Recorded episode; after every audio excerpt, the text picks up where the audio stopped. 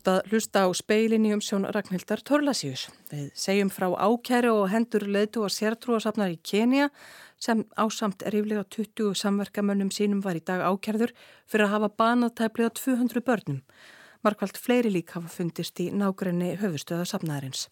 En við byrjum hér heima og eins og svo oft áður síðustu mánuði verðum við í Grindavík. Undan farna daga hafa íbúar fengið að fara að sækja eigur sínar og margir hverjir að hverja heimili sín og bæin sinn í byli í það minsta. En í dag fengu forsvarsmenn fyrirtækja að fara í bæin að bjarga verðmætum.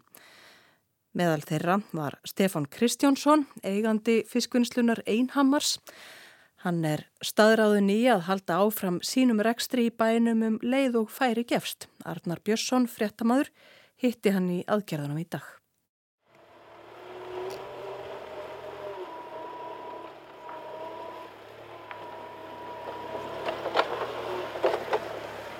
Við vorum að keira út beitu hérna frá staðasundi 2 og erum að keira henni í sangjörði. Hvað er þetta mikil verðmætti? Þetta eru kannski 150 tonn sinnum. Þetta getur verið eh, svona 30-40 miljónir. Eh, þú ert búinn að vera með hnút í maðanum að, að geta ekki komist í að, að bjarga þessu.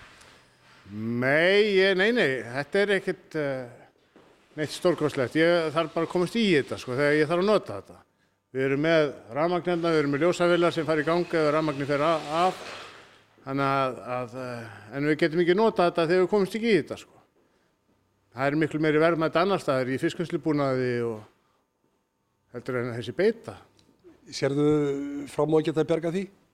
Ég bara ætla ekki að berga þig. Ég er ekkert á leiðinu úr Grindavík og hérna, þarf ekki að berga þig. Þannig að þú ætla bara að býða og sjá og, og, og, og, og þetta verður allt í lagi eftir ekkert langa tíma. Við vitum það ekki, sko, en ég, það verður ábyggil annað gós og, eða kviku innskott og, og, og vonandi verður það fyrir norðan bæinn. Þannig að við sjáum bara til hvar það kemur upp. En húsið ykkar, er það uh, mikið skemmt? Það er bara alveg óskemmt. Það er bara hérna veiðarfæragemsla sem við erum í núna, það er óskemmt og, og fiskvæslúsið, Einhamar Seafood, það er óskemmt og íbúðurhúsin, íbúðurhúsi mitt og, og krakkarna minna og flestra sem ég þekki er óskemmt. Þannig að ég er bara á leiðin í Grindag, bara um leiðu ég get og ég er bara á leiðin í þessari viku eða í næstu og, það er bara þegar kaldavatni kemur og lagnir verða gert við lagnir. Er uh, annars allt í lagi með allt í fyrirtækin? Já, já, allt í fína. Og þú heldur þínu starfsfólki þarft að, að, að skera niður? Nei, við erum með allt okkar fólk og sumir eru hérna hjá okkur í dag að, að, að stóða okkur við að keira þessari síld út. Það er allir með íbúðir í Keflæk og Reykjanesbæ og Hafnafjörði og, og þetta fólk er alltaf á kaupi og, og, hérna, og er bara býða eftir að við getum byrjað. Þú getur ekki beðið lengi eftir því að, að, að komast í, í fulla, fullan gangar það. Nei, nei, en sko, það er launastuðningur og hann er út mæ og e, við verðum að byrja á, á einhverju á næstu missurum. Það er alveg ljóst. Hvernig finnst þér að vera svona hugur manna í, í, í, í kringu þau sem eru í, í fiskvinnslu? Um, já, félagi menn Herman Ólafsson í Stakkavík, húsið hans er ónýtt og, og hérna, hann byrjar allavega ekki fiskvislu þar. Hann getur haldið áfram í útgerð. Vísismenn, þeir eru með þetta fína fristjús og, og fiskvislu henni Grindavík og, og, og vonandi byrja þeir aftur. Þeir eru að salta, byrja að salta fisk tímabundið í Helguvík núna. Og Þorbjarnamenn eru bara að- býða og sjá til hvort Grindavík opni ekki á ný. Þeir eru ekkert á leiðinni burtu. Það er best veit. Þannig að þú heldur í bjart sínna og það er engin bilbuður á þér. Nei, það er engin bilbugur. Ég hef aldrei verið hrættur inn í Grindavík og mér líður bara mjög vel hérna. Uh, mér, það er hættilegur að vera inn í miðbæ og hættilegur að vera, vera á Reykjanesbrytinu heldur inn í Grindavík og uh, þetta, já, fer að verða bara eins og hver hann er óeðsleg sem gengur yfir þessi gos. Þannig að þannig er ég í dag. Þannig er ég í dag, sagði Stefán Kristjánsson eigandi og fórstjóri útgerðafélagsins Einhamars í Grindavík. Hann ætlar ekki að sækja tæki fyrirtækisins því að hann ætlar að halda rekstrinum áfram þar. Starfsmenn Einhamars halda launum sínum og það var hluti þeirra sem vann í dag að því að bjarga beitunni um 150 tónnum af beitusílt. Bræði Valgersson myndatökumadur fór inn í Grindavík í dag og hann er hinga komin til Arnar Björnsson. Þið fórum meðal annars henni í Þróttahúsið. Hvað bar fyrir auðu þar Bræði? Já, við vorum hann inn í fótboltahúsinu sem er eh, hérna, það sem er svona gerfigras á gólfinu og, og þar undir er sprunga og þar er verið að taka gerfigrasi á gólfinu og þá kemur náttúrulega bara í ljós að það er bara opinn sprunga, bara marga metra þar á nýjörðina, bara og maður sér bara þannig beint niður alveg. Sást það hitt undir gerfigrasinu eða? Nei, þar sem að gerfigrasi er yfir vellirum allavega eins og núna eru bara búin að taka gras af hluta vellinum að það sést að maður sér ekki neitt og þeir voru að berja í gólfið til þess að átta sig á því hvar sprungan er undir gólfinu sko. Mm. Þannig að, að þetta var ekki greinilegt sagt, áðurðið byrjuðu hvar nákvæmlega sprungan er. Ja. Þú fóst og settur, fóst í línu og fóst á myndaðar þarna? Já, við fengum að fara inn og mynda og til áður en náttúrulega við förum nálagt sprungunni þar og við settir í línur og, og, og, og það er alveg passa að, að hérna, það er, það, það er ítrasta öryggi skætt þannig að maður er ekki á ekki vona á að það er hinn í undan manni eða neitt gerist sko. Mm. Hvað sástu? Ég, ég sá bara hún í örðina, bara hreinlega og hérna og þarna að kabla sá maður bara grunnvatt komu upp í sprunguna og, og og þetta er náttúrulega bara algjörlega ótrúlegt að átta sig á því að það er ekki margi mánuði síðan að þarna voru bara e, var verið að hlaupa í fókbólta og, og, og, og leika sér og að sjá þetta þarna núna hvernig bara náttúruöflin hafa leikið þetta svæði og er bara með ólíkindum mm. Bræði Valgersson sínu myndir af þessu í sjónsfrettan klukkan 7. Takk fyrir þetta Takk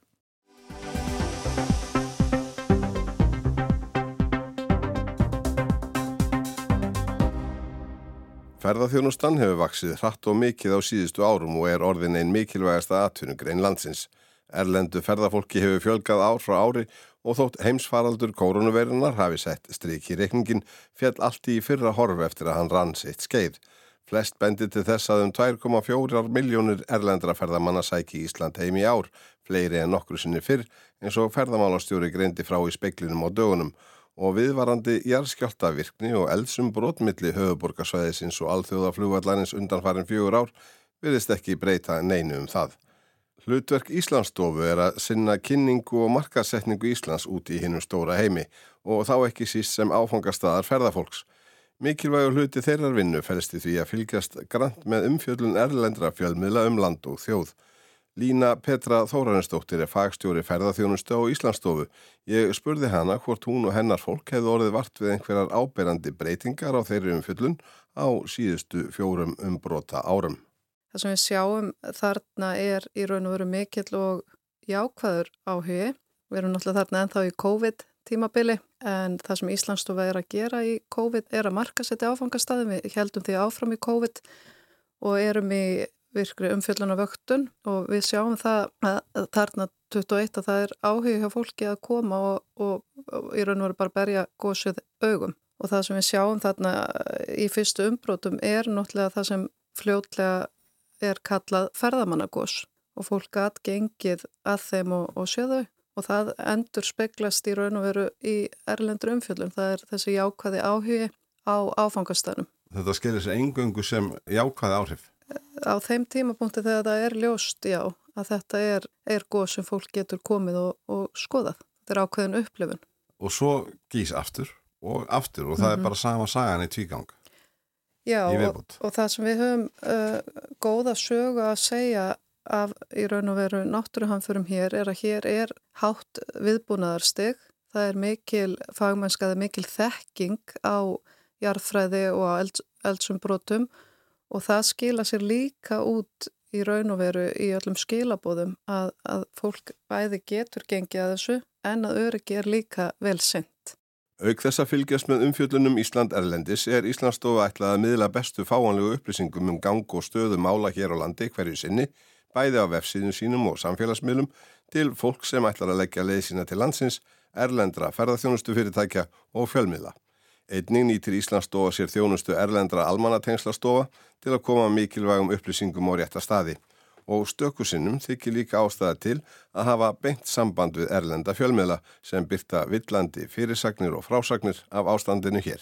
Það gerist til dæmis fyrst eftir rýmingu Grindavíkur í nógumber. Það sem við sjáum þá er eins og ég sagði að við förum inn í ákveðið óvissusteg. Þannig að eh, það gaf rými fyrir kannski meiri getgátur hjá þeim miðlum sem voru að fjalla um þetta.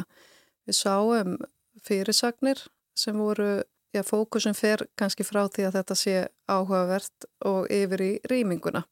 Yfir í þetta sé hættulegt? Já, já, mögulega. Þannig að við sjáum breytingu í umfjöllun en þar fer afstæð mjög samrýmt átaki að koma út réttum upplýsingum eins og ég segi. Og það er í raun og veru meðan þessi óvisa varir sem við erum að, að sjá svolítið öðruvísu umfjallanir heldur en áður. Fljótlega þá sjáum við árangur af, því, af þeim aðgerðum sem gripið er til. Að fjölmiðlar hafi eitt stað til að leita á eins og með fjölmiðla miðstöð það er komið út upplýsingum um hvert er hægt að senda fyrirspurnir og við sjáum í raun og veru bara tiltölulega fljótan viðsnúning í umfjöllunum og þegar það fer svo að gjósa 18. desember þá er umfjöllunin orðin mun, við getum sagt að hún sé orðin lýsandi og í raun og veru og byggir meira á, á fyrirlikjandi upplýsingum og staðröndum fremur en hún gerði í nógumber. 14. januar verður svo 5. elgósi í þessari yfirstandandi umbrótar hreinu og það í Grindavík sjálfri. Hvernig brúðust erlendir fjölmjölar við þeim hamförum? Já, það er áfram mikill áhugi á, á, á því að fjalla um þennan viðbörðan. Við sjáum þó breytingu. Ég myndi segja að þarna fyrir áramót þá hafi verið tenging við Ísland sem áfangastað en það sem við sjáum svo í januar myndi ég freka tengja við þennan mannlega þátt, það séu frekar umfjallanur um þennan mannlega þátt sem snýr að, að bænum Grindavík fremur en Íslandi sem áfangastað í heilt. Í ljósi aðstæðna var ákveð að leggja nokkuð fjegi markasetningu í haustu og vetur og Lína Petra segi það þegar farið að skila sér. Ljóst sé að áhuga á áfangastaðnum Íslandi sé enn mikill og fyrirspurnir erlendra fjölmiðla orðan meira í taktu það sem var áður en umbrotin hófust. Og jafnvel þótt jarðvísinda fólk sé á einu máli um að þau séu aðeins byrjunum á laungu umbrotatímabili virðist engin bilbúur á fólki sem langar að sækja Ísland heim.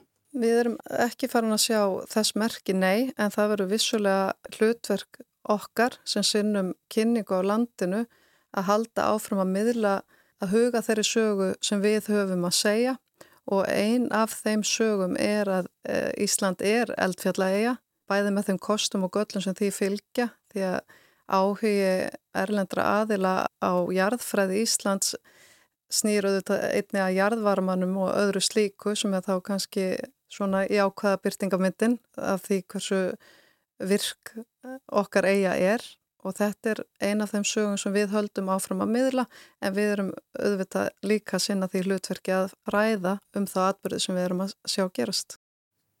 Saði Lína Petra Þórarensdóttir fagstjóri ferðaþjónustu á Íslandstofu. Ævarar Jósefsson tók saman.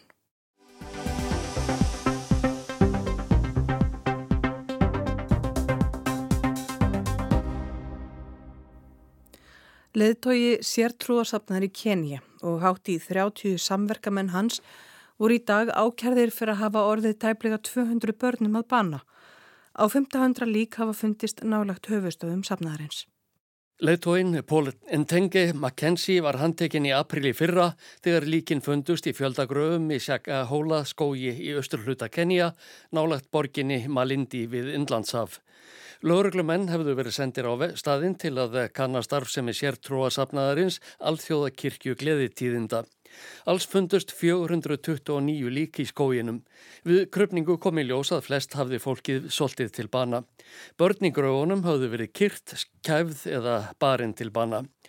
Þrjú kornabörn voru meðal hinn að látnu að sögn frettamanns AFP frettastofunar sem fekk að skoða málskögn. Í ákjæru skjali sem lagt var fram fyrir barnadómstól í borginni Mombasa fyrir nokkrum dögum eru Mackenzie og 38 samverkamenn hans sakaður um grimdarlegt aðtæfi og pyntingar. Fram kemur að þeir hafi neitað börnum allt niður í 6 ára um mat og drikk og barið þau með bareflum. Mackenzie og 29 samverkamennans neituðu sög þegar þeim var byrt ákjæra fyrir rétti í Malindi í dag. Máli eins var frestað þar sem hann var ekki talin í nógu góðu andlegu jafnvægi til að svara til saka. Ákerendur segja að þeir hafi skipað fólkinu að svelta sig og börn sín til bana til þess að það geti komist til himna og hitt Jésu Krist. Alls er Mackenzie sakaður um að hafa orðið 191 að bana með þessum hætti. Samkvamt málskjölum stopnaði Pól Mackenzie sértróasöfnuðinn alþjóða kirkju gleðitíðinda í Malendi fyrir rúmlega tveimur áratugum. Starfseminn var síðar flutt út í Sakahóla skógin. Til að byrja með ferðaðist sapnaðar fólkið milli Malindi og höfuðstöðvana en frá haustinu 2022 var því bannað að yfir, yfirgefa þær. Einn sapnaðar kvennana greindi frá því í viðtali við Breskaríkisútvarpið að verðir hefðu yðurlega nöðgað konum í hópnum. Þegar framlýðu stundir hefði pretikonum verið hægt og fólkinu sagt að býða eftir að hitta Jésu. Fyrst í staði fengu allir halvan borla af tei og bröðsneiðað morgni og síðan ekkert meira það sem eftir var dagsins. Síðar var fólkinu tilkynnt að ekkert meira matar og drikjarkins værið að hafa. Það sætti þá lægi þegar verðirnir tóku sér matarli og laumaðist út í skó til að týna ber og finna vatn til að svala þorstanum. Ákæruvaldið fullirti fyrir rétti í dag að söpnuðsinn hefði Pól Mackenzie rekið sem skipulög glæpastamtök. Við rannsókn réttar meinafræðinga á líkonum sem fundust í Sjakahóla skógi kom í ljós að líffæri hafðu verið skorinn úr sumum þeirra. Í liklegt þykir að þau hafi verið seld á svörtu markaði með vel skipulugðum hætti. Fleiri trúarleitor eru taldir tengjast rekstrinum. Þeirra á meðal er sjónvarpspredikarinn Ezekiel Odero. Laurugluransókninni leiti í ljós að háar fjárhæðir hafðu verið lagðar inn á bankareikninga hans. Talið er að þær hafi komið frá fólki í söpnuði Mackenzie's. Með ólíkindum þykir að allþjóða kirkjagliði tíðunda hafi fengið að starfa óáreitt árum saman. Þing nefnd komst að því þegar starfseminn var rannsökuð að Paul McKenzie var síknaður árið 2017 af ásökunum um að bóða öfgatrú í predikunum. Sama ár var hann síknaður af ákærum að hafa tekið börn úr skóla og séð sjálfur um uppfræðslur þeirra þar sem hann fullirti að skólastarfið samrýmdist ekki kenningum biblíunar. Tveimur árum síðar var McKenzie ákjærður fyrir að hafa orðið tveimur börnum að bana sem voru barinn og svelt og grafin í Sjakahóla skógi. Hann var látin laus gegn tryggingu. Yfir fjögur þúsund trúarsvapnuðir eru skráðir í Kenya. Stjórnvöld hafa reyndað að setja þeim starfsreglur en til þessa ekki haft erindi sem erfiði. Meðal annars eru þau sökuðum að reyna að grafa undan stjórnarskrarbundnum lögum um aðskilnað ríkis og kirkju. Áskir Tómasson tók saman. Fleira er ekki í speiklinum. Tæknimaður var Kári Gumundsson, hægt er að hlusta á speilin í spilararúf og helstu hlaðvarpsveitum. Verði sæl.